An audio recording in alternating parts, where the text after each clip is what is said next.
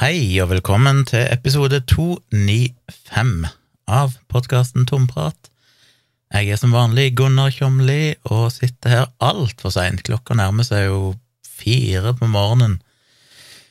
Og det er deres feil, for når jeg får mailer med ting jeg skal sjekke opp i studier og sånn, så tar det plutselig mange flere timer enn det jeg tror. Jeg tenkte jeg skulle spille inn podkasten for noen timer siden, og gikk ned her på mitt eh, lille kontor slash studio for å spille inn. Men så fant jeg plutselig ut at jeg måtte eh, Jeg fikk fått en forespørsel om å ta bilder i et nytt bryllup, som ikke er før til neste sommer. Eh, men det er forespørsel om priser og sånn. Og så fant jeg ut at å, jeg må skynde meg å få lagt ut litt bilder på den nettsida mi av de siste bryllupene før jeg sender det tilbudet, sånn at de kan se litt flere bilder jeg har tatt.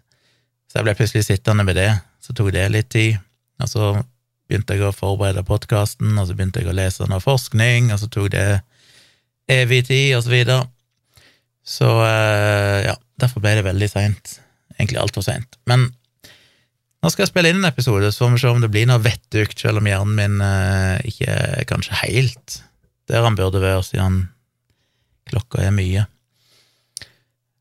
Men bilder først. Jeg har gjort ferdig bildene ifra det bryllupet jeg fotograferte i Oslo her for et par uker siden.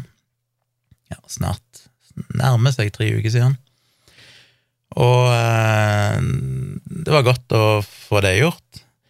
Jeg har sendt eh, brudeparet bildegalleriet og alt det, og fikk heldigvis kjapp tilbakemelding om at de var veldig fornøyd med bildene. Og så leverte jeg jo mange flere bilder enn det som står i avtalen, så det var de òg fornøyd med. Det blir jo litt sånn, jeg har en sånn minimumskvote. Hvis du har halvdagsbryllup, så er det 200 bilder. Hvis det er heldagsbryllup, så er det 400 bilder. Jeg tror jeg har sagt 500 før, men jeg så på nettsida mi, og så oppdaga jeg at det var 400. Eller står det noe annet i kontrakten? Det må jeg sjekke. Uansett, alle har fått mer enn nok bilder, mer enn det de skal ha. Eh, så ja, så de får mye bilder. Men når jeg først er der og tar bilder, så tar jeg jo veldig mange ganger mer enn det. Og det er jo ikke noen grunn til å ikke levere de bildene jeg tar. Eh, selvfølgelig velger hun ut, som dere har hørt før, så sorterer jeg jo ned til en brøkdel av de bildene jeg tar totalt, så det er jo bare de beste bildene de får, men til og med det er jo mange flere. Når jeg tar mange nok bilder, så blir det gjerne mange flere bilder, så da får de det. Så det er jo Det er de jo fornøyd med, håper jeg, at de får mer enn de er betalt for. Eh, så det er iallfall gjort. Og så driver jeg som sagt med den sida. Etter hvert så skal jeg eh, legge ut link til den bryllupssida. Litt forskjellige plasser, sånn at folk kan eh, se bildene som ligger ute. Det satser jeg på å gjøre om noen dager når det er ferdig, så da kan dere etter hvert gå inn og kikke litt der hvis dere skulle ha lyst til å se resultatet av det jeg har gjort i det siste. Men godt å være ferdig med det. Det som mangler nå, er at jeg må, det må jeg gjøre i morgen, eller egentlig i dag, da, 1. juli, fredag, få redigert de bildene jeg tok på Brasserihansken. Det er ikke rukket. Eh, fordi jeg har jobba så mye. Vi fikk jo en ny eh, nettaviskunde i firmaet som hadde litt hastverk. Det var en sånn plutselig avgjørelse etter at de har Ja, de har, vel vært i kontakt med de sikkert et år, eller noe sånt ja, iallfall veldig lenge. Og så fikk de en eh, demo for noen måneder siden som de har hatt tilgang til, som de kan leke seg med. Og så er det liksom ikke skjedd noe særlig. Men så plutselig så ville de ha et møte, og så plutselig ble de spikra gjennom en avtale, og så plutselig Normalt så sier vi jo, ja, det kommer litt an på, men sånn to til fire uker leveringstid i teorien, eller ikke bare i teorien, i praksis, så kan jeg få opp selve nettavisen. Det tar meg bare et par timer. For det er med et, med et bra system, så det å få opp en ny nettavis er veldig fort gjort. Men så skal den jo fylles med innhold, og det er jo ofte det som tar tid, da. Det er som regel to ting som tar tid, nei, tre ting. Det ene er hvis vi skal ha skreddersydd noe, så må vi gjøre noe spesiell utvikling.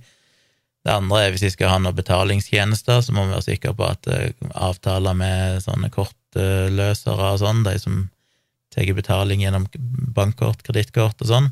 Der må det egne avtaler på plass, og de er ofte litt sånn treige med banker og sånn. Eh, men det er utenfor vår kontroll. Men det som som regel tar tid, er jo importen. Og det jeg snakka om før, den andre avisa jeg drev og jobba med, sleit jeg med importen. Eh, og så kom plutselig denne avisen òg. Det er jo den andre nye avisen vi har fått nå på, på noen få uker. Og så var det samme greia der. Det er et publiseringssystem de har brukt på en avis i ja, 16 år, eller noe sånt. Nei, 18 år har de hatt en avis. Men den publiseringsløsningen har de ikke tilgang til lenger.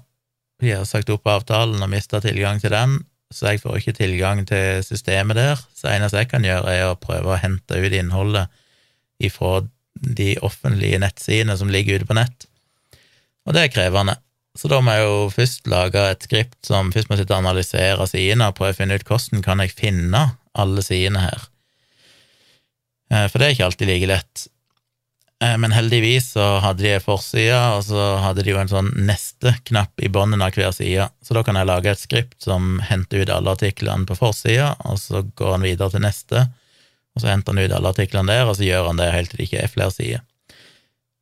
Eh, da henter han ut alle adressene til alle, altså nettadressene, urlene, til alle artiklene, og så etterpå så går han gjennom én og en URL og drar ned innholdet i artikkelen, og så pløyer gjennom HTML-koden og prøver å identifisere titler og ingress og brødtekst og forfatterens navn og alt mulig sånn.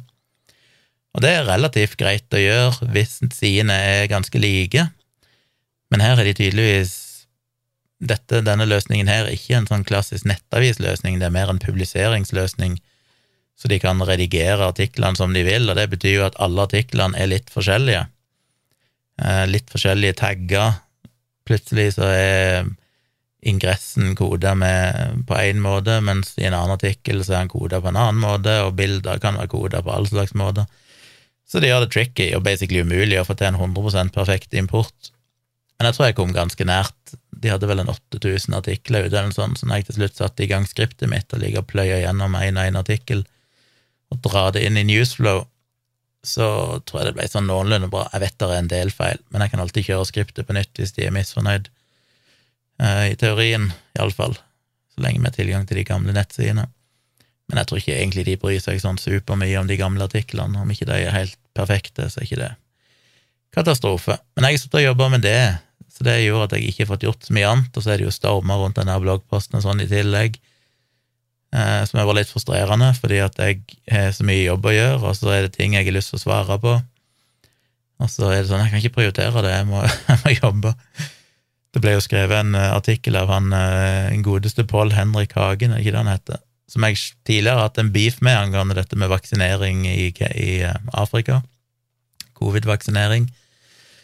Eh, han hadde jo nå selvfølgelig kommet redaktøren til forsvar, som er litt flaut, syns jeg kanskje, at eh, redaktøren Danby eh, Hva heter han igjen? Jeg har navnet her. Danby Choya. Eh, at han publiserer et forsvar i sin egen nettavis, en forsvar av seg sjøl. Det, det, er litt sånn merkelig. Og den lå jo bak betalingsmur, og ikke fikk jeg noe beskjed om det, så jeg fant jo bare ut helt tilfeldig fordi noen andre hadde delt den sånn på Facebook. Så det er alltid litt sånn kjipt når det er sånt svært bilde av meg, som selvfølgelig er et ti år gammelt bilde som ikke ligner meg i det hele tatt lenger. og så finner jeg ut at jeg har skrevet masse greier om meg som sikkert ikke er spesielt positivt, men jeg får ikke lest det. og ja. Så jeg skrev en tweet der bare sa at det var jo kanskje litt eh, rart at de, at de verken informerte meg om den artikkelen eller ga meg tilgang til å lese den.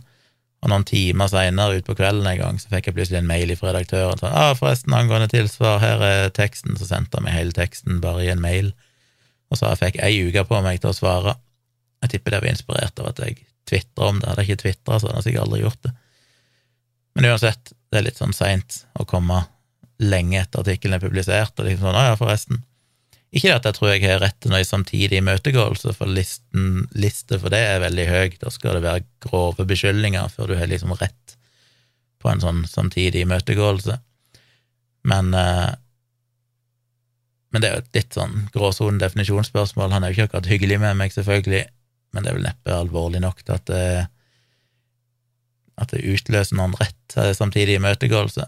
Men jeg syns uansett det er greit å gi meg muligheten til å skrive et tilsvar Kommer neppe til å gjøre det, for dere vet mitt prinsipp. Jeg eh, kommer ikke til å skrive i Subjekt. Det er en drittavis som publiserer så mye søppel at jeg ikke ønsker å bidra til at når de publiserer den type greier, så skal ikke jeg gi de, som sagt, gratis innhold ved å svare, så hvis jeg finner på å svare når jeg får tid, så blir det i så fall i min egen blogg, regner jeg med. Uh, men det tar tid, ja. Så det er alltid litt styr jeg ikke hatt hode til å, å, gjøre så mye med det. Men jeg fikk jo ranta litt om den bloggposten sånn i livestreamen jeg hadde tirsdag kveld. Det er mye folk der. Jeg vet ikke om det var fordi folk hadde fått med seg jeg skulle snakke om det, eller om det er ferietid som gjør det, eller hva det var, men det var mer folk enn vanlig. Så det var jo hyggelig. Så jeg fikk ranta en halvtime eller sånt om det. Den ligger ute på YouTube og heter Tomprat live lavgradig terror. Eller lavgradig terrorisme, eller hva jeg kalte den. Så sjekk ut YouTube-kanalen min Tvilsomt med Tjomli, eller bare gå inn på YouTube og søk etter Tomprat live, og så er jo det per nå den siste videoen jeg har publisert der. Eh, så et stykke ut, jeg vet ikke, en halvtime uti eller noe sånt, så begynner jeg å, å prate om det, og prater vel en, eh, en, god halvtime eller noe sånt, om det temaet, som jeg syns egentlig var ganske en, Ja, det føltes ok, tror jeg, det jeg sa der. Så det kan jo være interessant, kanskje, hvis dere har lyst til å høre det. Men jeg hadde et sånt punkt på lista som jeg tenkte å snakke om i forrige episode, men som det aldri ble noe av, for, var, for da hadde vi jo kommet hjem fra Oslo. Og det var idioter i trafikken. Jeg, ja, det er jo en klisjé å snakke om, men nå har jo meg og Tone kjørt fram og tilbake til Oslo ganske mange ganger. Det er jo en, eh, et stykke å kjøre, og um, hva er det? Det er litt over 30 mil, 3-4-35 mil hver vei. Så det blir jo en del kjøring, og jeg blir altså så frustrert over hvor mange idioter der er. Eh, det er sikkert mye jeg kunne ramse opp, men en av de tingene som er mest provoserende, tror jeg, det er at det har vært litt veiarbeid på motorveien de siste gangene, og da blir plutselig veien innsnevra, så det går fra to felt til ett felt. Og så har du jo de der klassiske greiene at at uh, de fornuftige folkene, de stiller seg i kø. De skjønner det at ok, nå går det sakte der framme, det er bare å plassere seg bak bilen foran. Men så er det de idiotene som selvfølgelig fortsetter å kjøre i det ledige feltet så langt de kan fram, helt til de ikke kommer lenger, og de må inn i det enkle feltet som det er blitt innsnevra til, og da driver og prøver å snike seg inn. Det er altså så provoserende det er jo ikke som ikke de vet det. Hva er det de tror? Tror de at alle andre stopper opp bare for moro skyld? Oh. Og når de da kommer, og du kommer fram, når du er da sjøl kjørt i den køen lenge og endelig kommer fram til der veien virkelig bare blir et felt, og så kommer det plutselig en bil opp på sida av deg som er bare pløyd videre i, det andre feltet og bare dredig at de kjører forbi 100 biler i kø, og da de liksom begynner å blinke og skal inn, så er det sånn at da er det ikke mye fristende å slippe det inn. altså Da er det litt sånn at alle burde bare gitt de en fuck you og si da får du bare stå her. Det er ditt problem. Det er faktisk ikke greit. Og så er det så mange som er så dårlige med å blinke. Jeg blinker jo ja, eh, aktivt i alle situasjoner. Eh, og når du kjører på to, nei, trefelts motorvei, og noen kommer inn fra sida, eksempel skal flette inn, det er det jo mange som er dårlige på, den der flettinga, de skjønner jo ikke greia i det hele tatt. De bare kjører på og prøver å komme så lengst mulig fram, litt samme problematikk, og skal liksom inn, heller enn å prøve å ta litt hensyn og flette. Men så blinker de ikke. Eh, det er så mange som ikke blinker når de skifter felt, de blinker ikke når de kommer inn fra et sånn flett, hva heter det, innflettingsfelt, flettefelt, et eller annet sånt, innkjøringsfelt, og alt dette her. Jeg blir altså så frustrert at ikke folk kan lære seg å blinke. Og så er det jo det, da, det er jo noe jeg har irritert meg over siden jeg fikk lappen, da, men det er jo alle de som tror at det å bruke blinklys er for å indikere hva du gjør, heller enn hva du har til intensjon om å gjøre. Så når folk for eksempel blinker, begynner å blinke samtidig som de svinger, eh, eller begynner å blinke idet de kommer fra et innkjøringsfelt, og så akkurat når de skal inn, eller i en rundkjøring, så blinker de idet de svinger ut, heller enn å blinke lenge før, sånn at du faktisk vet hvor de skal hen, som jo er litt av poenget med den fuckings blinkinga. Skal gi et signal så folk vet kommer han til å nå kjøre ut av rundkjøringen her, eller kommer han til å fortsette rundt. Men nei da, de skal blinke når de svinger. Men da ser vi jo at du svinger, din jævla satan. Du trenger jo ikke å blinke, vi ser det. Poenget er at du skal blinke før du svinger, sånn at du kan gi litt tegn til andre trafikanter, så de kan planlegge sin kjøring. Nei, fuck, fuck, så mye idioter det er i trafikken. Ikke det, jeg har gjort dumme ting, jeg òg, men da er det jo mer eh, Da er det ikke med vilje, alt opp si, det er ikke fordi at jeg systematisk bare ikke gidder å ta hensyn til andre, men eh, frustrerende. Så det er irriterende. Et par eh, artikler Jeg tenkte jeg må snakke bare litt om en artikkel som Eller en studie som kom nylig. Eh, hvem er det egentlig som har gjennomført studien? Det er iallfall en studie publisert i Lancet, som jo er et av de mer anerkjente vitenskapelige tidsskrift, som har sett på hvor mange liv har covid-19-vaksinene faktisk redda. Og Det er jo et interessant spørsmål, fordi vaksinemotstandere vil jo si eh, ikke bare null, men sannsynligvis et minustall, at de har drept flere enn det covid ville gjort. Men det er jo selvsagt ikke sant.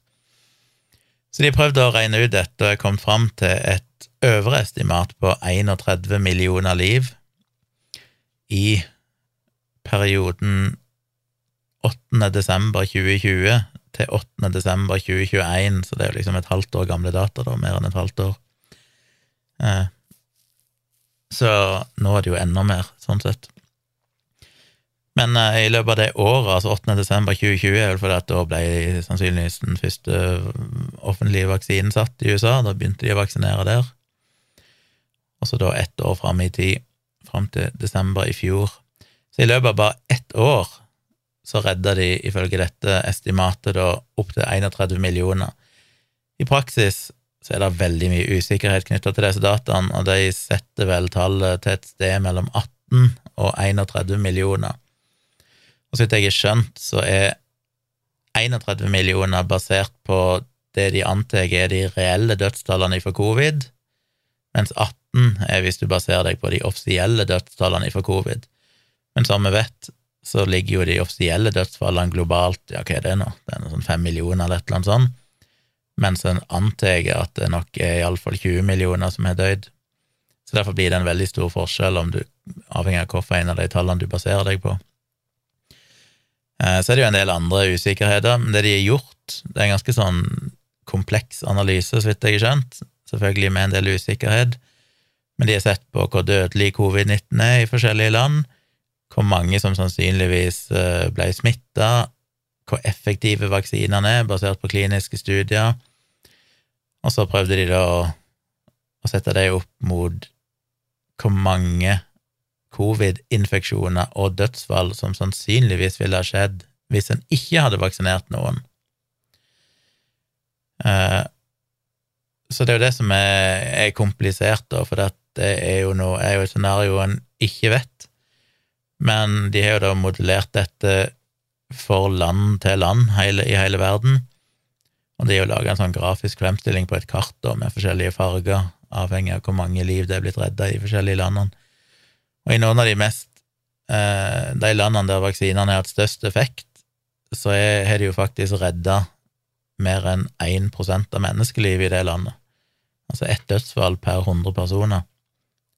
Noe som ifølge Gideon Meyerowitz-Katz, som har skrevet en bloggpost der som jeg driver og tar utgangspunkt i, så er det sannsynligvis den mest effektive medisinske intervensjonen i, i hele dette årtusenet, nei, århundret, eh, som jo ikke er verst. Ikke bare av vaksiner, men av alle legemidler. Det er ingen andre legemidler eller vaksiner som har redda så mange liv.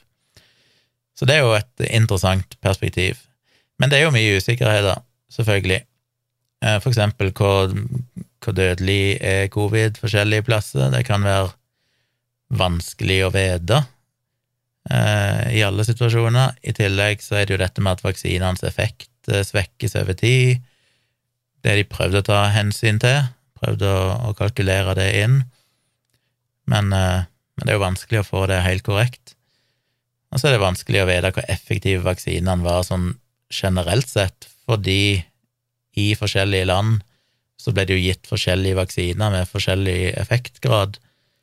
Eh, og så har en ikke helt oversikt i alle land over akkurat hvor mange som fikk de forskjellige vaksinene.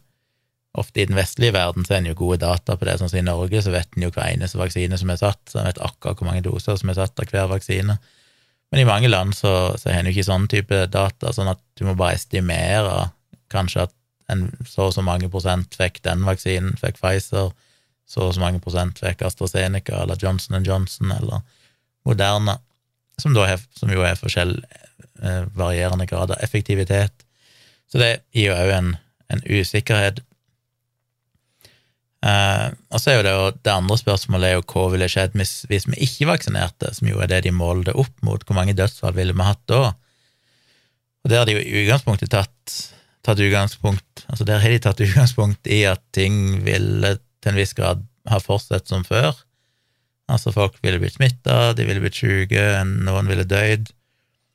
Men det er klart eh, Altså ville det vært en viss grad av lockdown og sånn, men det er klart Konsekvensene, eller verden, hadde nok sett veldig annerledes ut uten eh, vaksiner. For eksempel at det nok hadde vært mye mer lockdowns i flere land, og lockdowns av større varighet, og så videre. Så det er jo vanskelig å estimere hva konsekvensene egentlig ville vært. Men det er vel allikevel mest rettferdig å, å sammenligne det med situasjonen sånn som man var med vaksiner.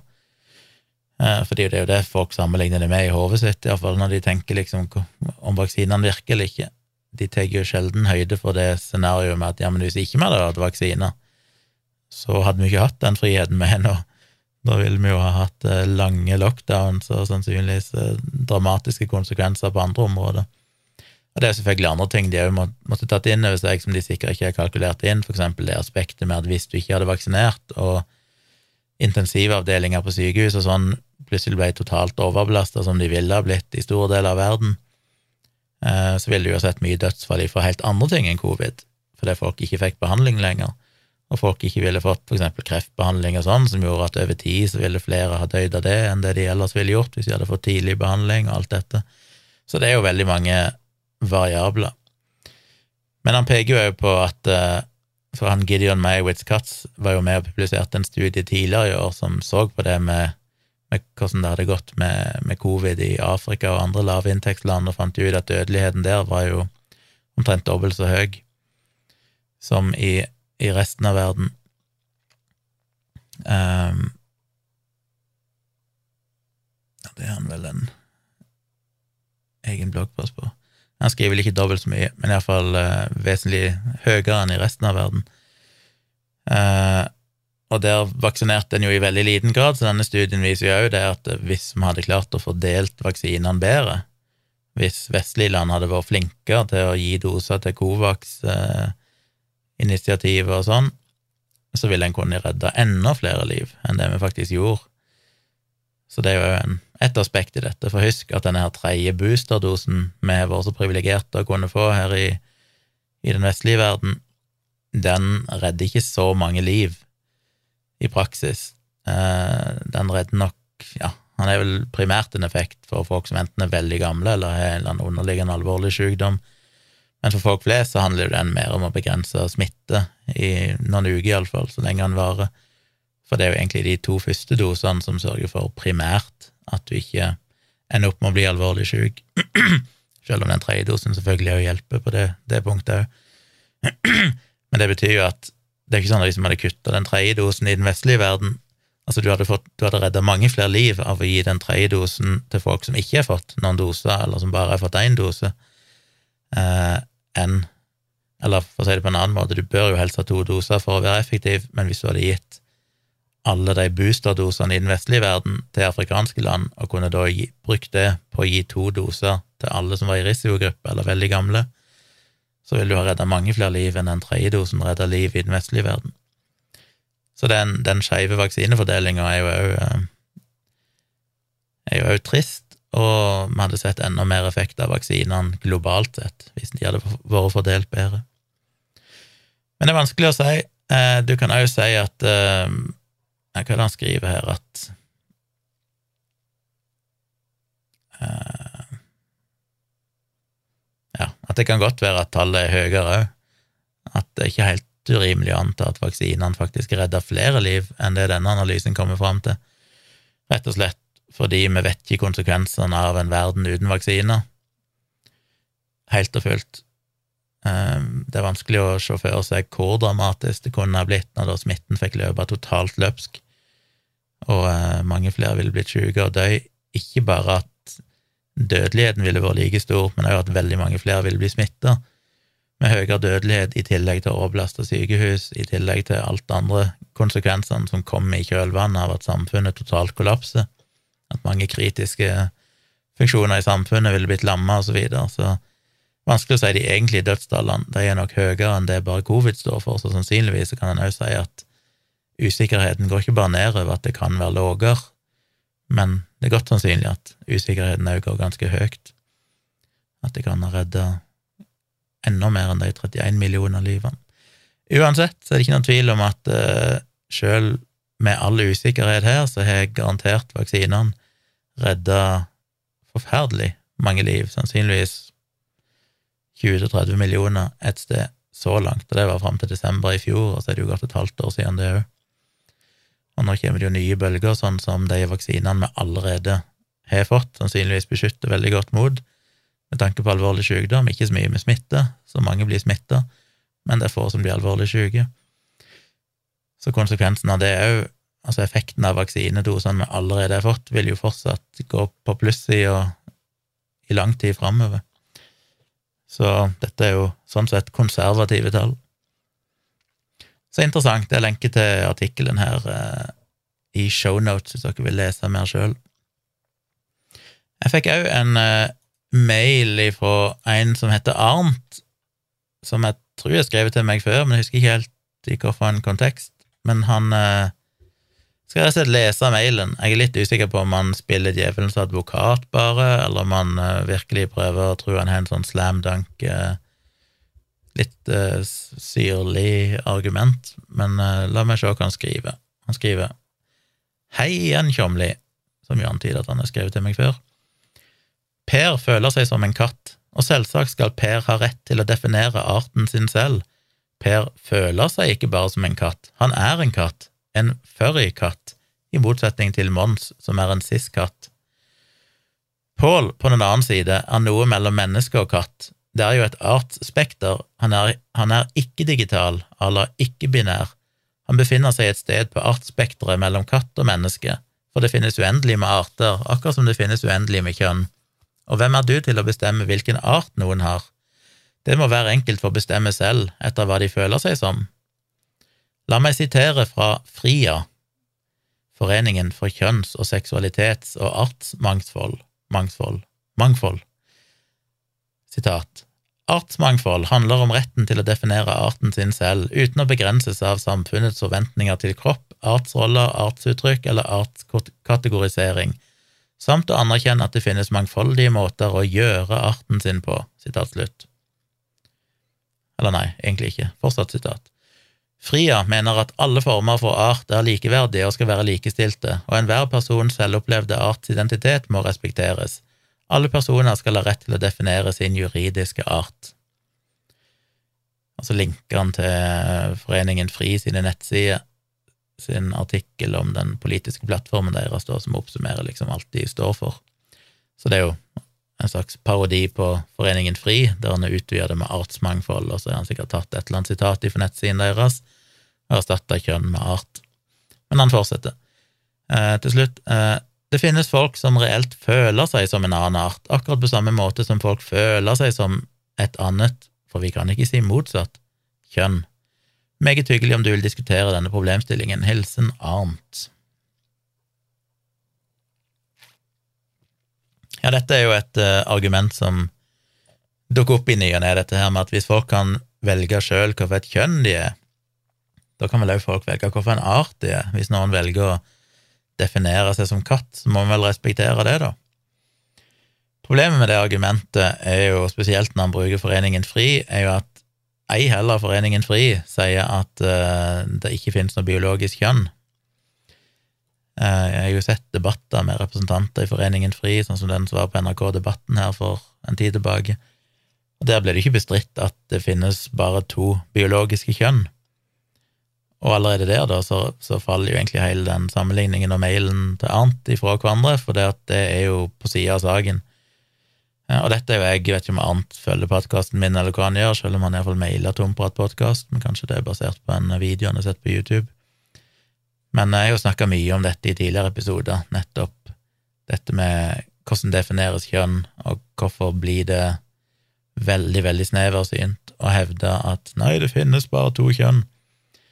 Fordi det kommer jo helt an på hva du legger i begrepet kjønn. Hvis du tenker rent biologisk, ja, så er det bare to kjønn. Men et annet spørsmål er jo, betyr det så veldig mye? Det betyr noe i enkelte sammenhenger med reproduksjon. Eh, ellers så er det så mange andre mekanismer som påvirker utviklingen av et menneske utover bare akkurat om du har utvikla store eller små kjønnsceller, med hormoner, hvordan cellereseptorer tolker de hormonene eller, eller eh, reagerer på de. Det er selvfølgelig gjerne noe som påvirker ekstremt mye av hvordan vi opplever oss sjøl, og, og så videre. Eh, så er det jo alt som skjer i DNA-et, med alle genetiske variasjoner som fins. Så det er liksom lag på lag på lag der kjønnscellene er helt i bånn, som liksom et fundament.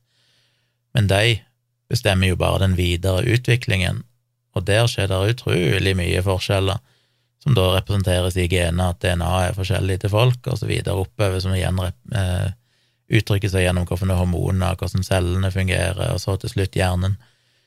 Så det blir jo en veldig sånn rar ting å si at nei, det er kun kjønnscellene som bestemmer om du er kvinne eller mann. Fordi hvem har bestemt det? Det er helt riktig at hvis du tenker rent biologisk, så stemmer det, men det er ikke sånn veldig relevant for hvem et menneske er. Det er vel ingen andre situasjoner i livet der du vil si at nei, du er sånn fordi du er store kjønnsceller. Det er det eneste som definerer en eller annen egenskap ved deg. Eh, eller at du kun sier, peker på gener, for den saks skyld, og sier at nei, du er genetisk eh, disponert for ditten, derfor kan du ikke være datten. Det er ikke sånn det fungerer i det hele tatt. Det er jo derfor det er sånn her 23andMe eh, og alle sånne her gentester du kan ta på nettet, sånn, de kan si noe om ja, du er genetisk disponert for noen av de hevder å kunne si at du er mer musikalsk, eller du er flinkere til en eller annen ting. Men det kan en jo ikke si, for det at ja, du er kanskje gener som tilsier det, men det er så mye annet som påvirker hvem du ender opp med å være. Du kan ikke bare lese av genene til noen og si at derfor er du et musikalsk geni, eller derfor er du flink i matematikk. For det er jo ikke bare genene som bestemmer, genene kan uttrykke et eller annet, men så er det jo andre mekanismer som skjer i kroppen som eh, overstyrer det igjen, og til slutt så handler det òg om hvordan hjernen din, dine erfaringer, opplevelser og Så, videre. så ja, hvis eh, spørsmålet handler om det fins biologisk kjønn, så vil det være et poeng. Da vil det være sånn, ja, men da må jo kunne folk definere seg som art, hvis det kun handler om hva du føler, liksom. Men det er jo ikke det som er diskusjonen. Det er ingen som snakker om at biologisk kjønn er avgjort av hva du føler, deg som, men derimot eh, kjønnsidentiteten din, eller det du på engelsk kaller for gender, i motsetning til sex.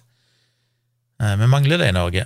Vi mangler den eh, nyansen som er litt enklere i engelsktalende land, der du kan skille mellom sex som liksom biologisk kjønn, og gender som kjønnsidentitet, eller opplevd kjønn.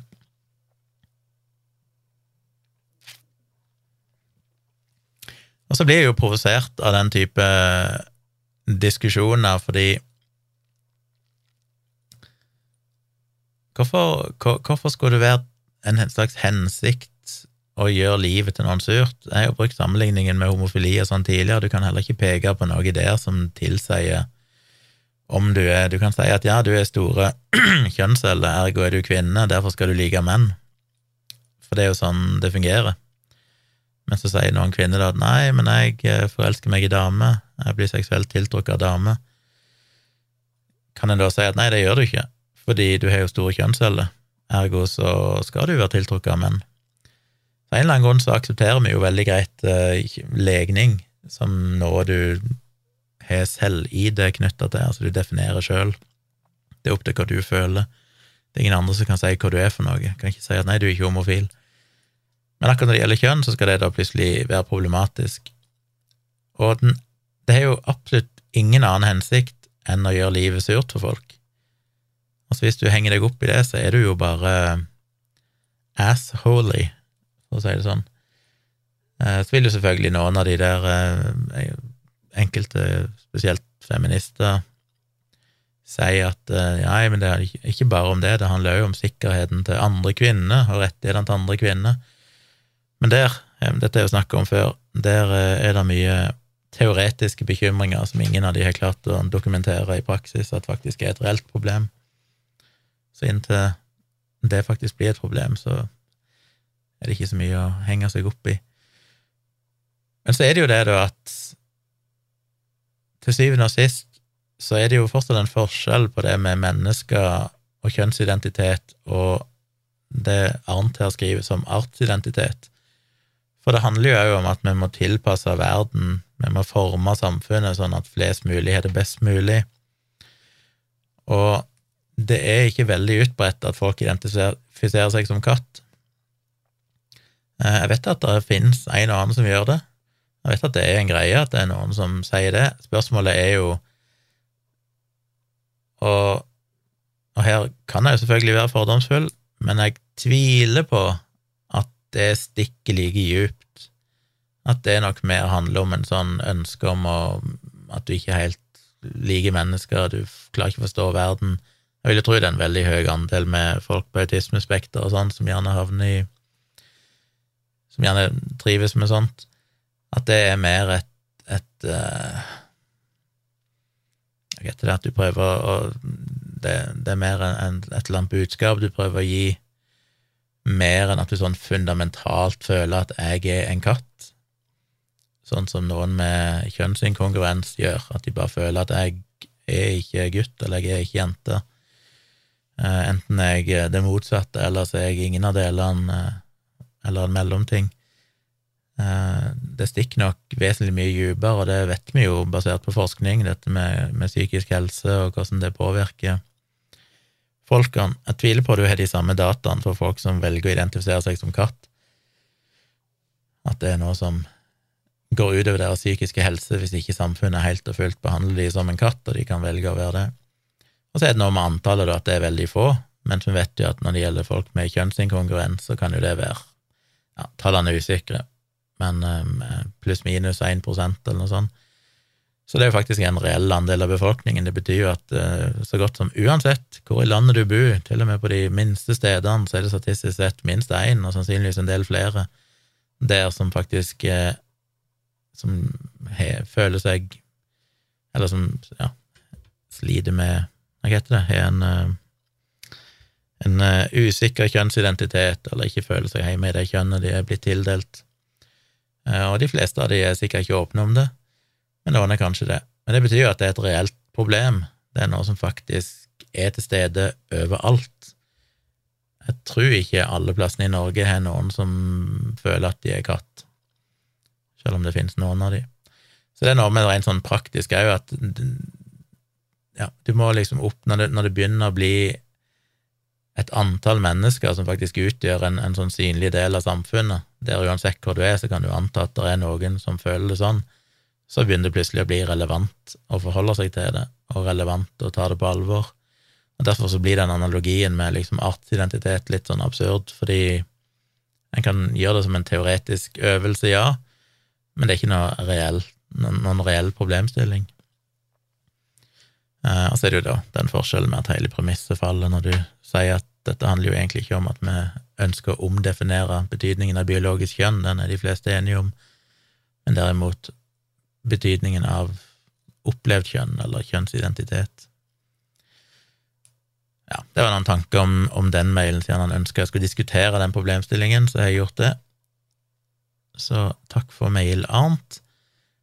Og til slutt, tror jeg det blir, så har jeg jo fått en studie ifra en lytter som vil være anonym, som lurer på om jeg kan kommentere denne studien og si om jeg er en link. Eh, og den studien er ganske fersk, den kom 14. juni, og heter Analysis of Thromboembolic and Thrombocytopenic Events After the AZD1222 BNT162b2 and mRNA 1273 COVID 19 vaccines in three Nordic countries. eh, som er utført av Nå ble jeg bare nysgjerrig, det er ikke så viktig, men eh, Men det er av Jakob Dag Berild, som er norsk, han er vel i FHI, så vidt jeg kan skjønne, og det er Vilde Bergestad Larsen òg, mens Emilia Myrup Tieson, hun er dansk. Og så er det noen andre fra Finland, og ingen fra Sverige, så vidt jeg kan se, selv om det er, er Det er vel Ja, det er vel de landene som er inkludert. Tre land Nå ble jeg usikker. For jeg har hele tiden tenkt at det var fire land. Hvorfor et land er det som ikke er inkludert? Jeg tror det er Sverige. Så jeg tror det er Norge, Danmark og Finland. Anyway, eh, en studie som rett og slett har til hensikt, eller hadde til hensikt, å prøve å finne ut om det var en overhyppighet av forskjellige typer blodsykdommer, da spesielt eh, type blodpropp, eller det med lave blodblader som kan gi økt risiko for blødninger, etter AstraZeneca-vaksinen. Det er det de i utgangspunktet skulle sjekke, selvfølgelig, fordi som jeg snakket om i forrige podkast, Eh, vi hadde jo dette, disse alvorlige bivirkningene som mest sannsynlig var knytta til AstraZeneca-vaksinen her i Norge for over et år siden, som dessverre førte til noen dødsfall. Så derfor så har de jo forska på det for å se er det egentlig en overhyppighet av disse tilstandene, spesielt av blodpropp og lave blodplater, i alle tre, disse tre nordiske landene som de har undersøkt. Og så er de tatt med BNT16, eller BNT162B2, som jo da er Pfizer sin eh, vaksine, eller Corminati-vaksinen, og mRNA 1273, som er Moderna sin eh, covid-vaksine. Så de to mRNA-baserte vaksinene har de tatt med, ikke for at de egentlig skulle forske på dem, men mer som en slags sammenligningsgrunnlag, da, bare for å se om, om det var forskjell på dem. Så det er egentlig en studie som ser på AstraZeneca, det er det som er hele poenget. Og det de skriver i eh, Ja, for å si spoile det, da, så skriver de helt øverst i artikkelen under findings at uh, de finner at AstraZeneca er knytta til en økt risiko for disse blodsykdommene i disse tre nordiske landene, men de finner de ikke for uh, mRNA-vaksinene, altså Pfizer og Moderna. Det kan nyanseres litt, så la meg gå litt gjennom studien. Eh, ja, Norge, Finland og Danmark, ja, det var der, de tre landene, som de har sett på da effekten av AstraZeneca-vaksinen. Og det de har gjort, er at de så på perioden 1. januar 2020, som basically var da de begynte å vaksinere i de nordiske landene, fram til 16. mai 2021. Det er jo over et år siden, så dette fulgte jo bare vaksineringsprogrammet i litt over fem måneder så vi begynte jo å vaksinere rundt nyttår. Og så vaksinerer vi jo fortsatt, men de slutta jo da 16. mai i 2021, etter bare ja, fire og en halv måned. Så det er en, en relativt begrensa periode. Eh, og så ble jo AstraZeneca-vaksinen ble stoppa 11. mars i Danmark og Norge, og nå må jeg nyse. Hoi. Så det er jo en viktig dato å merke seg i denne studien. Eh, så det de har gjort, er at de har brukt en sånn type metode der hver person i studien er sin egen kontroll. Så det vil si i praktisk talt at de tar hver person, altså ser de før de fikk vaksinen, fra 1. januar 2020 og fram til de fikk vaksinen, Eh, hvor mange av de som endte opp med å få eksempel blodpropp eller et eller annet sånt, og så ser de på de første 28 dagene etter de fikk vaksinen. Og de sammenligner jo selvfølgelig ikke 28 dager med, med over et år, men de finner jo da matchende tidsperioder. Og derfor så kan de òg Og dette skjønte jeg vel ikke helt, tror jeg, men for å ta høyde for at uh, forskjellige typer sykdommer kanskje kan være sesongbaserte, at det kan være forskjell på vinter og sommer og sånn, så er de matcha de med forskjellige perioder, da de er fire årstider, basically. Eh, mars til mai, juni til august, september til november og desember til februar. Jeg er litt usikker på hvordan det fungerer, ettersom den perioden i studien her de har vaksinert, det er jo bare fra 1. Jan Nå sa jeg i stad 1. januar 2020 de begynte å vaksinere, de gjorde det ikke, de begynte 1. januar 2021, selvfølgelig. Um, og fram til 16. mai 2021. Så de er jo bare fire og en halv måned der, mens har jo da ett år prevaksinering pluss den tid det tok ifra de begynte å vaksinere til den enkelte personen faktisk fikk vaksinen. Så jeg er litt usikker, men poenget er iallfall at de matcher disse tidsperiodene og ser på samme person før og etter vaksinen. Og så har de analysert disse dataene på veldig mange måter. De har prøvd å utvide denne perioden fra 28 dager til 42 dager, tror jeg det var.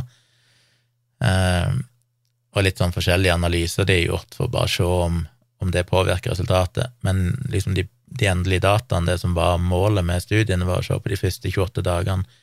For det vi vet, er jo at eh, alle de tilfellene vi har sett av disse tilstandene, har jo skjedd relativt kort tid etter de fikk vaksinen. Så det er veldig lite sannsynlig at, en, at det skal skje noe mer enn en måned etterpå. Eh, og hvis de da fikk to vaksiner i løpet av den perioden, så starta det en ny 28 dagers risikoperiode etter den andre dosen, så, så du hadde i teorien, da, for de som fikk to vaksiner allerede så tidlig, så var det to perioder de kunne sammenligne. Så alle var sin egen kontroll, og i løpet av denne perioden så ble fem, mer enn 5,3 mennesker vaksinert totalt med enten én eller to doser i disse tre landene. 80 fikk eh, Pfizer-vaksinen, så de aller, aller fleste fikk Pfizer. 12% fikk AstraZeneca, og 8% fikk Moderna. Nei, og de tallene endra seg litt seinere, for vi fikk vel mye mer Moderna-doser eh, seinere, men fram til bare mai 2021 så var det primært Pfizer vi hadde, så vidt jeg husker, og eh, litt eh, AstraZeneca, da, så lenge det varte. Så hva fant de? Vel, de fant for AstraZeneca-vaksinen så fant de omtrent en eh, dobling i risiko for eh, forskjellige sånn lave blodplatesykdommer, og ca. 32% økning i risiko for det som heter for zero, cerebro, cerebrovascular disease, som vil bety at du har noe blødning eller blodpropp i hjernen. Så de fant definitivt en økt risiko for AstraZeneca-vaksinen. Eh, og så har de sett på litt sånn eh, secondary outcomes, altså for de primære endepunktene var jo det sånn her egentlig blodpropper og blødninger, mer sånn bredt, men de har jo sett på noen sekundære endepunkter som er litt mer spesifikke under tilstander av de litt bredere kategoriene, da, for å spisse det litt inn. Og der finner de enda høyere, der finner de en eh, nesten, eller 83 økning for venous thrombosis, som vel er eh, blodpropp i en vene. Over fire, firedobling av risikoen, eller egentlig en tredobling, er vel det, eh, av risikoen for eh, lave blodplater, og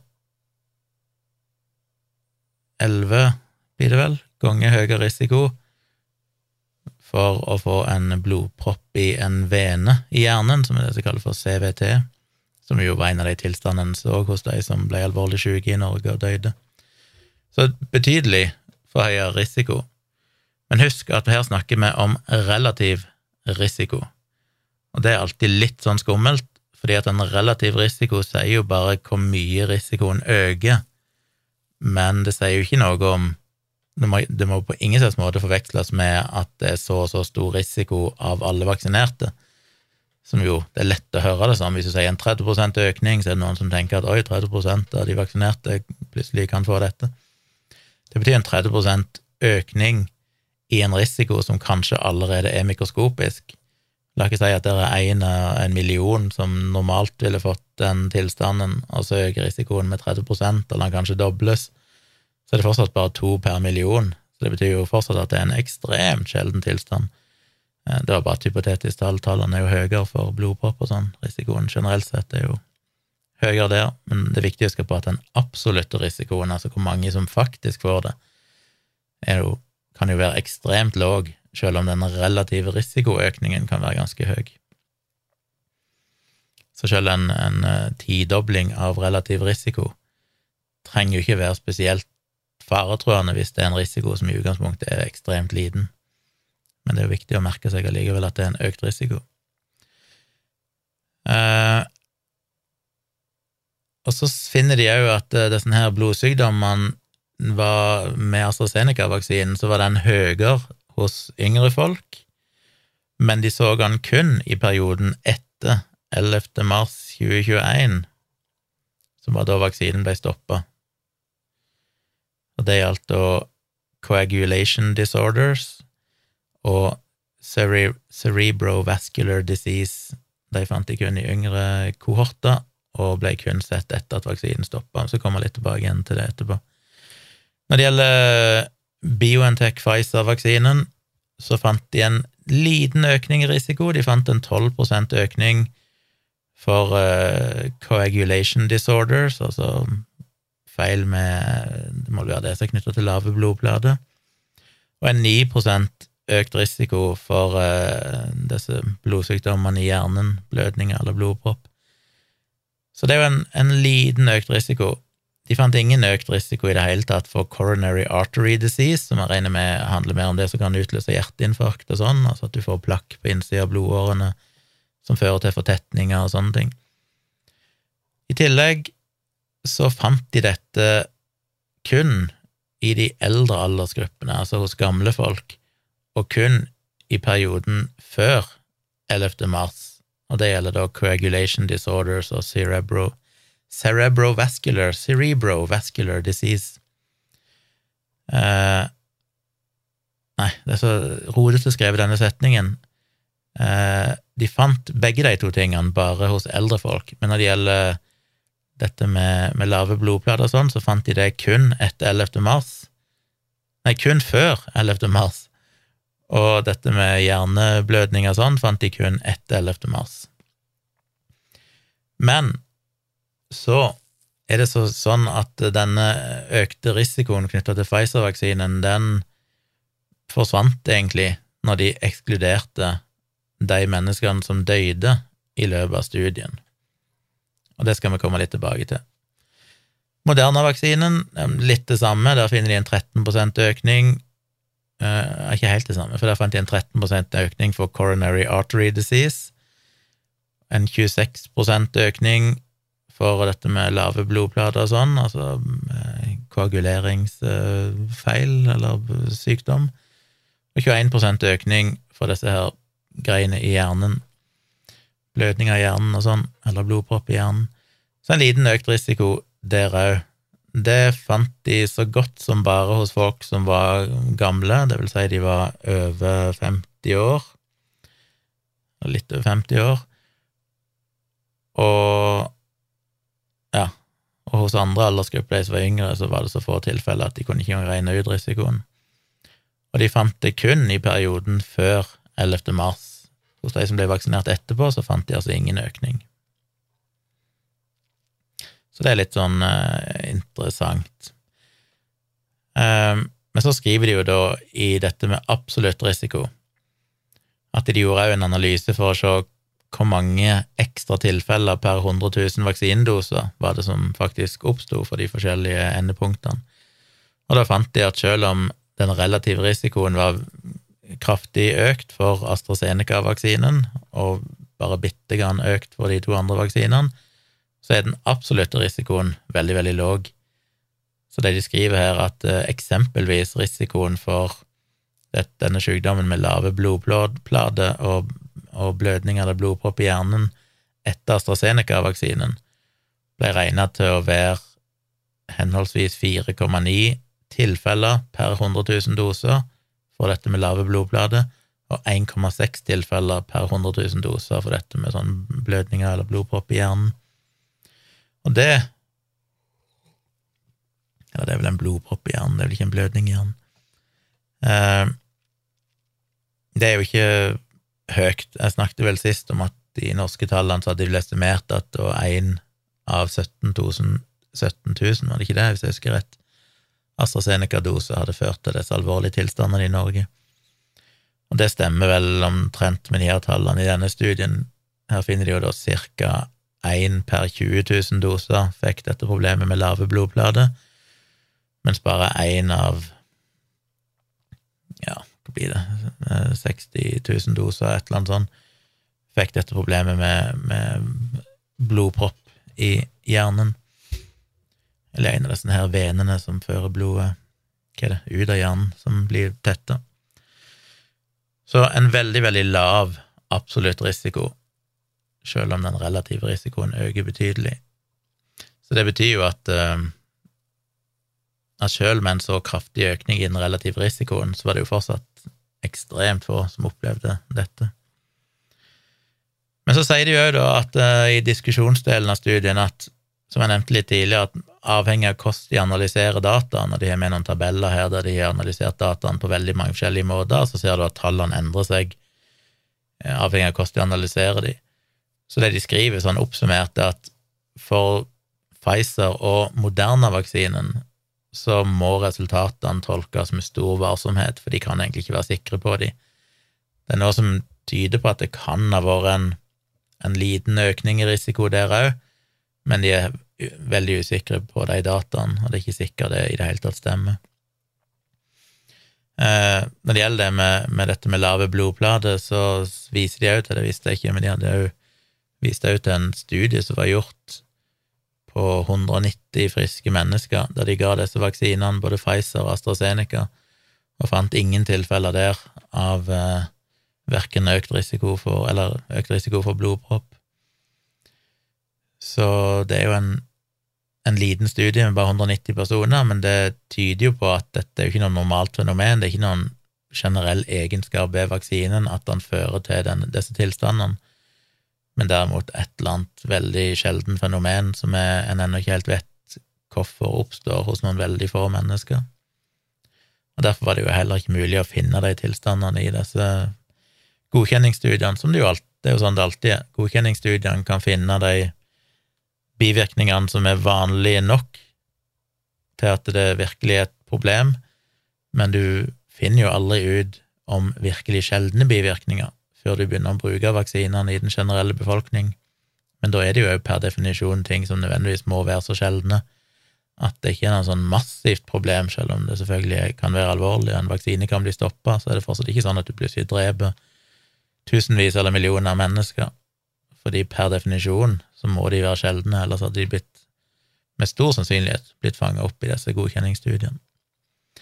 Og så kommer de til den delen av studien som ser på begrensninger i studien, og det var jo litt interessante ting å se på, ting som er litt sånn Det var det jeg brukte mye tid på, jeg satt der og tenkte at jeg skjønner ikke helt dette her. Jeg måtte virkelig vri og vrenge hjernen før jeg helt skjønte hva de mente, men jeg tror jeg skjønte det. Men jeg håper jeg husker hva jeg skjønte.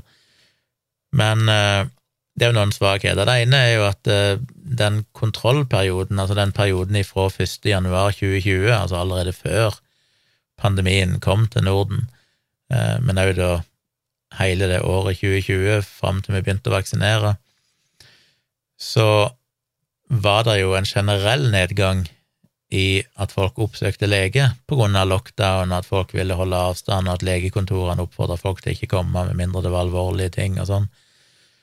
Så det er jo eh, betyr jo at det kan ha vært underrapportert en del av disse blodsykdommene i den kontrollperioden, mens når de begynte å få vaksinene i de 28 dagene etter de fikk vaksinen, så var jo samfunnet i stor grad åpna opp igjen, og det var mer vanlig å gå til lege og sånn igjen. Og da er det jo da større sjanse for at hvis de opplevde en eller annen sånn blødning eller blodpropp eller noe sånt, så er det større sjanse for at de ville gått til legen etter de fikk vaksinen, fordi at samfunnet hadde endra seg på den tida. Og det kan jo selvfølgelig da gjøre at risikoen for vaksinene fremstår som større enn det de egentlig er. Eh, I tillegg så peker de jo selvfølgelig på at etter at vaksinen ble stoppa 11. mars 2021, så ble òg bevisstheten rundt disse tilstandene veldig mye høyere.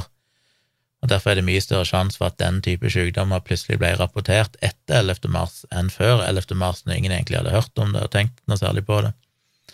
Og det blir jo eksemplifisert blant annet, dette var jo nytt for meg og veldig interessant, at i Norge Jeg har faktisk aldri hørt dette før. I Norge så økte faktisk bruken av helsevesenet med 66% i den uka etter 11. mars hos de som ble vaksinert med AstraZeneca. Så folk som ble vaksinert med AstraZeneca, når de hørte plutselig at oi, her er en alvorlig bivirkning, og vaksinen ble stoppa den uka etter der, så var det mange av de som gikk til legen, 66% mer enn vanlig. Og det er jo en dramatisk økning. Og hvorfor det? Jo, fordi jeg plutselig så føler jeg at å, jeg har litt vondt i armen, eller jeg har følt meg slapp, eller jeg har hodepine, og så tenker de shit, nå har jeg fått den samme bivirkningen, jeg må gå til legen. Så, så det er jo interessant. Og når de da analyserte dataen her i studien, så fant de at de bare fant eh, De bare fant denne kraftige økningen i risiko for disse blodsykdommene fra AstraZeneca etter 11. mars. Så det kan jo tyde på at en, det de kaller for en surveillance bias, altså at um, folk ble mer oppmerksom på det, og flere gikk til sykehuset. Samtidig så mener de at det ikke bare er det, for de prøvde òg å, å begrense analysen. Eh, det er ikke det som er de endelige dataene, men de har gjort noen sånne parallelle analyser som du kan lese i tabeller men det er ikke det som er en endelig konklusjon, så konklusjonen er jo denne dramatiske økningen. Men i noen andre analyser så prøvde de da å bare telle med de, til, de tilfellene der pasienten faktisk havner på sykehus i mer enn 24 timer, som da altså skal tilsi at bare de mest alvorlige tilfellene. Og da fant de fortsatt en, en eh, nesten tilsvarende like høy eh, økning i risiko for bivirkning av AstraZeneca-vaksinen. Så det tyder jo på at det mest sannsynlig er reelle tilfeller. For poenget her er jo at folk kan få disse tilstandene med lave blodplater eller en blodpropp eller et eller annet sånt, uten at de nødvendigvis ender opp med å gå til legen. Fordi det gir, det gir en kortvarig smerte, eller det kan være en kortvarig tilstand, men så løser det seg av seg sjøl. Så i en periode der det var lockdown og alt mulig sånn, så er det kanskje liten sjanse for at folk ville gått til legen med det, fordi det fremstår ikke som så alvorlig. Mens i en vanlig scenario, da i 2021 og 2022, når folk går mer til lege enn sånn som normalt, så er det mye lavere terskel for å gå og oppsøke legen for noe sånt som det.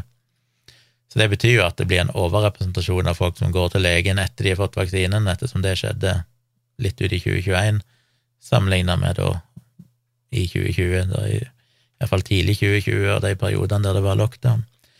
Så det er jo sånne ting som alltid er vanskelig i denne type studier, å virkelig å ta høyde for at ting endrer seg over tid i samfunnet òg, og, og psykologien og hvordan det påvirker folk sitt handlingsmønster, er jo noe du må ta høyde for. Og så er det et annet premiss i denne metoden de har brukt, og det er jo at noen som opplever en av disse tilstandene, vil ha like stor sannsynlighet for å ende opp med å vaksinere seg til slutt.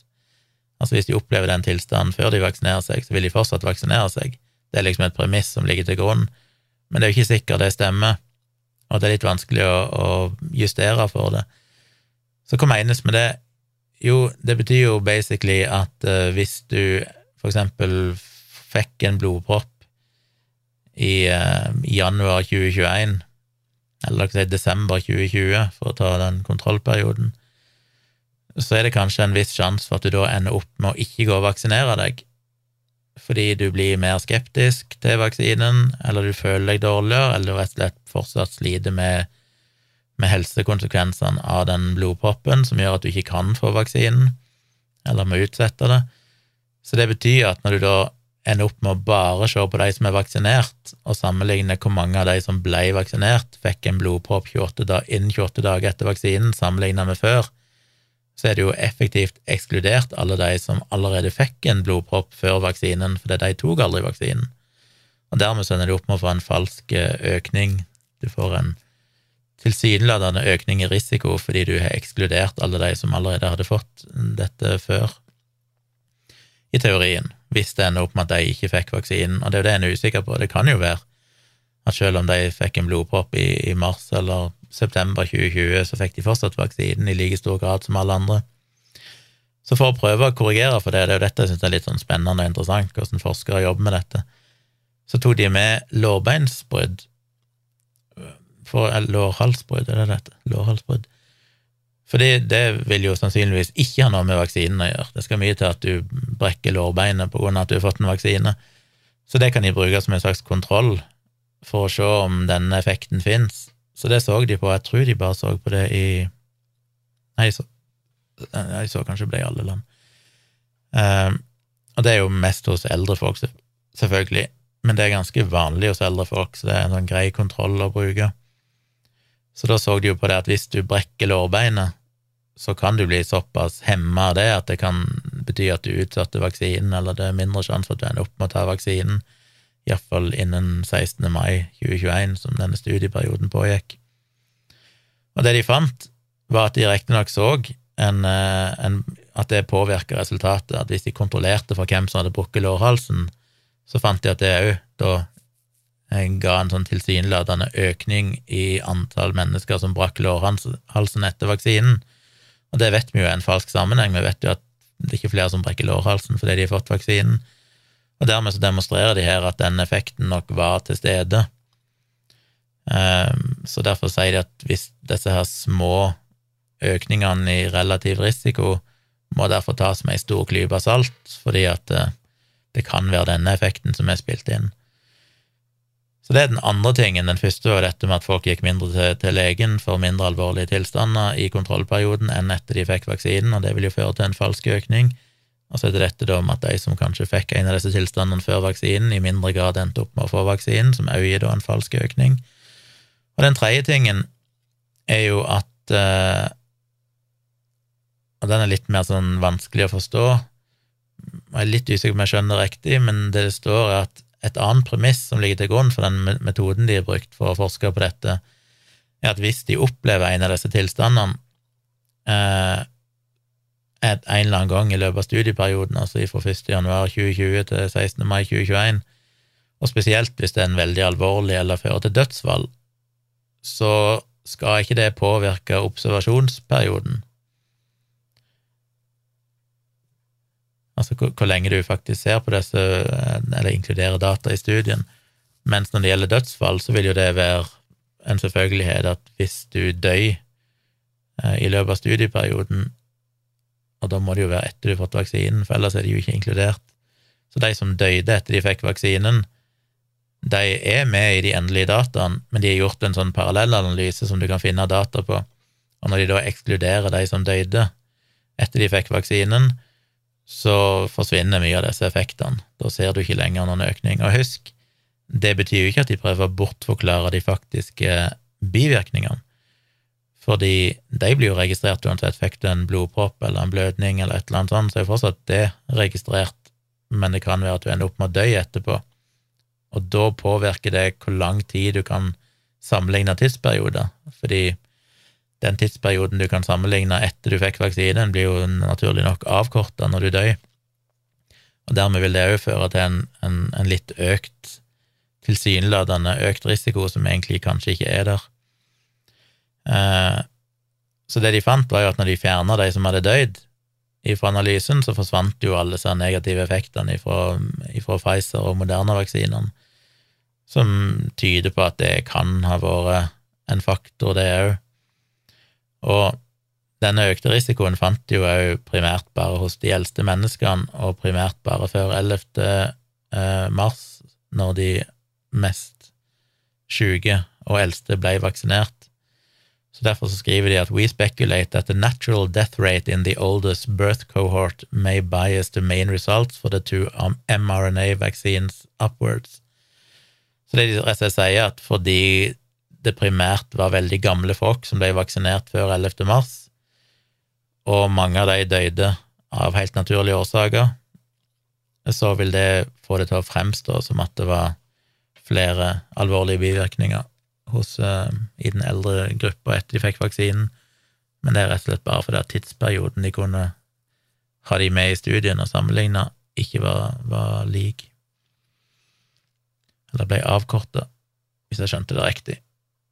Um, og så er det en annen interessant faktor, den fjerde, er jo at når de er sin egen kontroll, altså du, hvis jeg hadde vært med i denne studien, og det var jeg vel for så vidt, siden med alle som er med som er vaksinerte, var med i studien, enten vi visste det eller ikke eh, For meg, da, som ikke opplevde noen av disse tingene da, etter 28 dager etter jeg fikk noen av vaksinedosene eh, Ja, det var bare én av de jeg fikk før 16. mai i fjor, så kun en av de som var inkludert. Eh, så har jo jeg blitt eldre, hvis jeg sammenligner de 28 dagene etter vaksinen med en tilsvarende periode i 2020. Så kan en tenke at da er jeg min egen kontroll, sånn at kjønn og helsetilstand og alt mulig sånn skal jo egentlig være likt. Du trenger ikke kontrollere for det, for det at jeg er jo meg sjøl, og ting endrer seg ikke veldig mye på et år. Så i prinsippet så stemmer jo det, og for de aller fleste så stemmer jo det, at du trenger ikke at da liksom for normalt i studier, ikke sant, når du har en kontrollgruppe, så er det jo viktig at du sørger for at alder og kjønn og hvor mange som røyker og hvor mange som drikker og BMI og alt mulig sånn er mest mulig like i kontrollgrupper som i den gruppa som får medisinen. Men her er det jo ikke to forskjellige grupper. Her er det ikke ei gruppe som får vaksine, og ei gruppe som er i kontroll, som ikke får vaksine. Det er du sjøl som er din egen kontroll. Det er bare før og etter du fikk vaksinen. Men hos de aller eldste, derimot, er du liksom 85 år gammel, så er det klart at helsetilstanden din kan forverres en del i løpet av et år. Og det vil jo da òg få vaksinen til å fremstå som mer farlig, fordi at du var kanskje litt bedre helse, risikoen for å få en blodpropp var kanskje litt mindre når du var 84 år i 2020 enn når du fikk vaksinen og var blitt 85 år i 2021. Og derfor vil det kunne dra, dra risikoen oppover litt, da. Eh, så det gjelder jo primært da Pfizer og Moderna. De mener jo ikke at det påvirker dataen for AstraZeneca, for den ble primært brukt for yngre mennesker, yngre helsepersonell under 65. Så derfor så er neppe den effekten særlig stor der, for hvis du er under 65 år, så endrer ikke helsa seg så fryktelig mye i løpet av et år. Men det er jo en interessant Så det er liksom fire ting der de trekker fram som svakheter, som alle med stor sannsynlighet, og til og med i noen tilfeller beviselig, nok har gjort at risikoen fremstår som høyere enn det den er. Og det er derfor de sier at med tanke på det, at når du tar høyde for de, de fire usikkerhetene der, som gjennom parallelle analyser har vist seg å påvirke resultatet, og i noen tilfeller fjerne hele effekten, hele den økte risikoen, så kan de egentlig ikke stole på at den, den lille økte risikoen du så med Moderna og Pfizer, faktisk var reelle data. Det, det kreves nye studier for å eventuelt finne ut om det faktisk er økt risiko. Men eh, det er ikke noe En må være særdeles varsom med å tolke dataene i den retning. Men for AstraZeneca-vaksinen derimot, så mener de at det er ganske sikkert. Uansett hvordan du analyserer dataene der, så finner du en, eh, en ganske kraftig økt risiko for noen av disse tilstandene men samtidig en veldig, veldig låg absolutt risiko. Altså risikoen er fortsatt veldig liten totalt sett. Så, så, ja. Så denne studien, basert på nordiske data, den bekrefter jo da at det mest sannsynlig, eller egentlig utvilsomt, var en, sånn, en sammenheng mellom AstraZeneca-vaksinen og disse tilstandene men at det ikke er noe særlig god evidens for at det har vært noen tilsvarende økning for de mRNA-baserte vaksinene. Så hvis noen bruker denne studien og sier at å, se her, det er en økt risiko for Moderna og Pfizer-vaksinene òg, så har de ikke lest studien veldig godt, og de ikke tatt høyde for at eh, forskningen At uh, konklusjonen her er tydelig på at det har de egentlig ikke funnet, når du når du tar høyde for alle disse svakhetene eller problemene.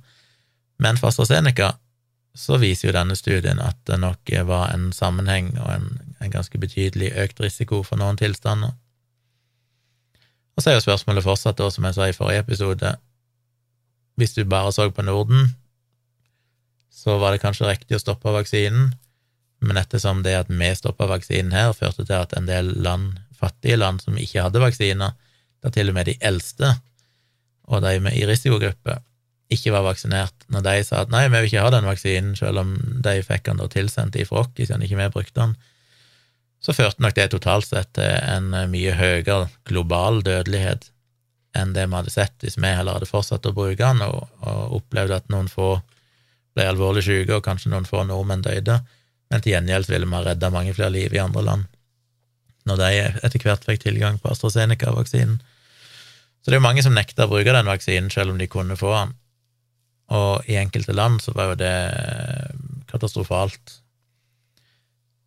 Um, ja hadde jeg en ting på tunga, men hva var det? Uh, uh. Og det er så irriterende når jeg akkurat har det. AstraZeneca risiko uh, Ah, fuck. Sikkert ikke så viktig. Anyway, det var en gjennomgang av den studien i henhold til et, en lytters ønske, og konklusjonen er jo ganske grei, og den kan igjen oppsummeres med det de skriver helt øverst, at de finner en sammenheng med AstraZeneca. De finner ikke en sammenheng med mRNA-vaksinene ut ifra denne studien, men det må en eventuelt forske mer på i så fall. Og hvis det er en sammenheng, så er den ekstremt liten, så det vil i så fall være en veldig liten økning i risiko for noen tilstander som allerede er ekstremt sjeldne. Jo, det var det jeg skulle si i stad med AstraZeneca, at eh, en må jo huske på at de tilfellene vi så i Norge, det ville neppe fortsatt med like stor risiko framover, fordi mest sannsynlig så ville en jo blitt mer oppmerksom på det, kunne ha behandla folk tidligere, når en visste at det faktisk var en bivirkning, pluss at en etter hvert òg fant måter å, å, å, hjelpe på til en viss grad. Jeg sier ikke at det var en, en garanti, det er sannsynligvis noen ville ha dødd fortsatt, men risikoen ved å få de, den bivirkningen ville nok vært noe lavere Eh, med tida enn det han var på de første tilfellene som gjorde at vaksinen ble stoppa, for da var det jo helt ukjent, og ingen skjønte hva som skjedde, eller hvordan det skulle behandles, og det ble behandla for seint og på feil måte, for den ikke helt visste hvordan den skulle angripe det og sånn. Så jeg tror nok dødeligheten hadde vært lavere om vi hadde fortsatt, så det er jo et aspekt å, å ta med seg. Heldigvis så trengte vi ikke det, fordi vi fikk nok av de andre vaksinene så det ble jo en episode. Da er jo klokka over fem. Jesus Christ. Eh, da blir det jo en rar dag for meg i morgen. Jeg skal jo poste denne episoden òg, som jeg legger ut umiddelbart på patronen min, helt uten reklame. Og for alle andre så hører dere dette sannsynligvis ut på fredag ettermiddag, de første av dere som hører på dette, fordi han dukker først opp da, men hvis dere er Patron, så ligger han jo der allerede ifra morgenen av og da helt reklamefri. Jeg eh, tror kanskje at meg og Tone skal kjøre en livestream i kveld, med 90% sikkerhet. Følg med. I løpet av ettermiddagen, fredag ettermiddag, så poster jeg nok eh, en livestream som ligger klar og venter på min YouTube-kanal, og sannsynligvis på Tone sin YouTube-kanal òg, som heter Tone Sabro, og på Facebook. Så hvis dere ikke har sett den når kvelden kommer, så blir det ikke noe livestream. Men hvis dere går inn og sjekker dere ser den, så blir det livestream. Jeg vet ikke helt når han blir. Jeg tror kanskje men mest sannsynlig begynner ganske seint, fordi dattera mi er her og sånn, jeg har ikke lyst til å bare ditche henne, så det kan godt være vi begynner elleve, men igjen, sjekk ut uh, Facebook, nei, sjekk ut ja, enten Facebook eller YouTube for å se når videoen dukker opp, så ser dere tidspunktet der. Men da blir det en fellesstream med meg og Tone, som vi kaller for Ærlig talt. Så det er bare å søke etter Ærlig talt på YouTube for å se om det dukker opp en utover ettermiddag eller kveld i morgen. Altså fredag kveld, 1. juli. Det er fuckings juli nå. Det synes jeg er litt deprimerende, for så lenge det er juni, så er det fortsatt sånn ok, det er tidlig sommer med mye sommer igjen. Idet du kommer i juli, så er det litt sånn fuck, nå er vi jo, er vi jo snart ferdige. Men jeg skal jo ha en litt forlenga sommer, siden jeg skal til Kenya, som sagt. Jeg i dag jeg har fått innvilga permisjon for dattera mi, så hun kan ta fri fra skolen. Jeg har prøvd å fylle ut visumsøknader og sånn. Det var jo et helvete. Jeg har søkt på vegne av meg og dattera mi. Sorry, har litt cola. Ennå ikke fått svar. Koster jo 500 kroner eller sånn å søke. Langt skjema som måtte fylles ut på nett. Hvis den blir godkjent, så skal jeg søke for Tone òg. Men jeg gidder ikke sende hennes søknad før jeg vet om jeg har fylt ut riktig i boka. Så jeg har bestilt reisevaksiner. Ikke fått svar på det ennå, men jeg håper jeg får det i morgen.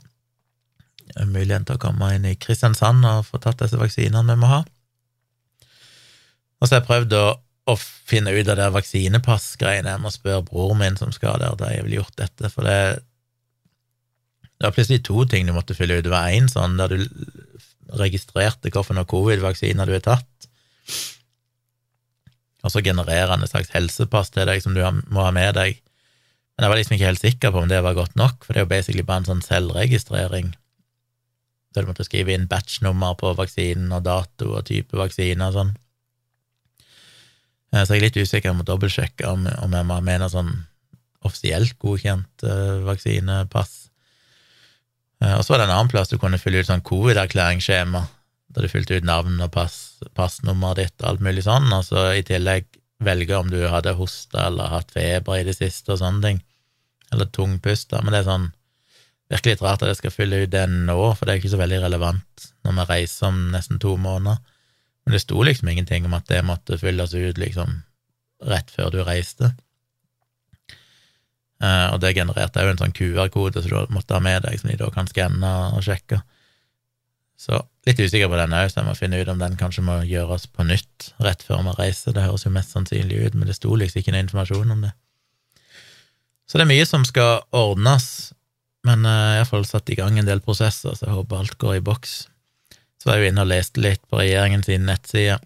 De har jo en egen app som heter Reiseklar, som jeg lasta ned, der du finner all sånn informasjon om reise til forskjellige land, og du kan òg registrere din egen reise med, med, når du reiser, når du kommer tilbake igjen, og hvilket land du skal til, som jeg tror betyr at hvis det skulle være noe relevant informasjon for det landet mens du er der, så får du en SMS eller en push notification eller et eller annet.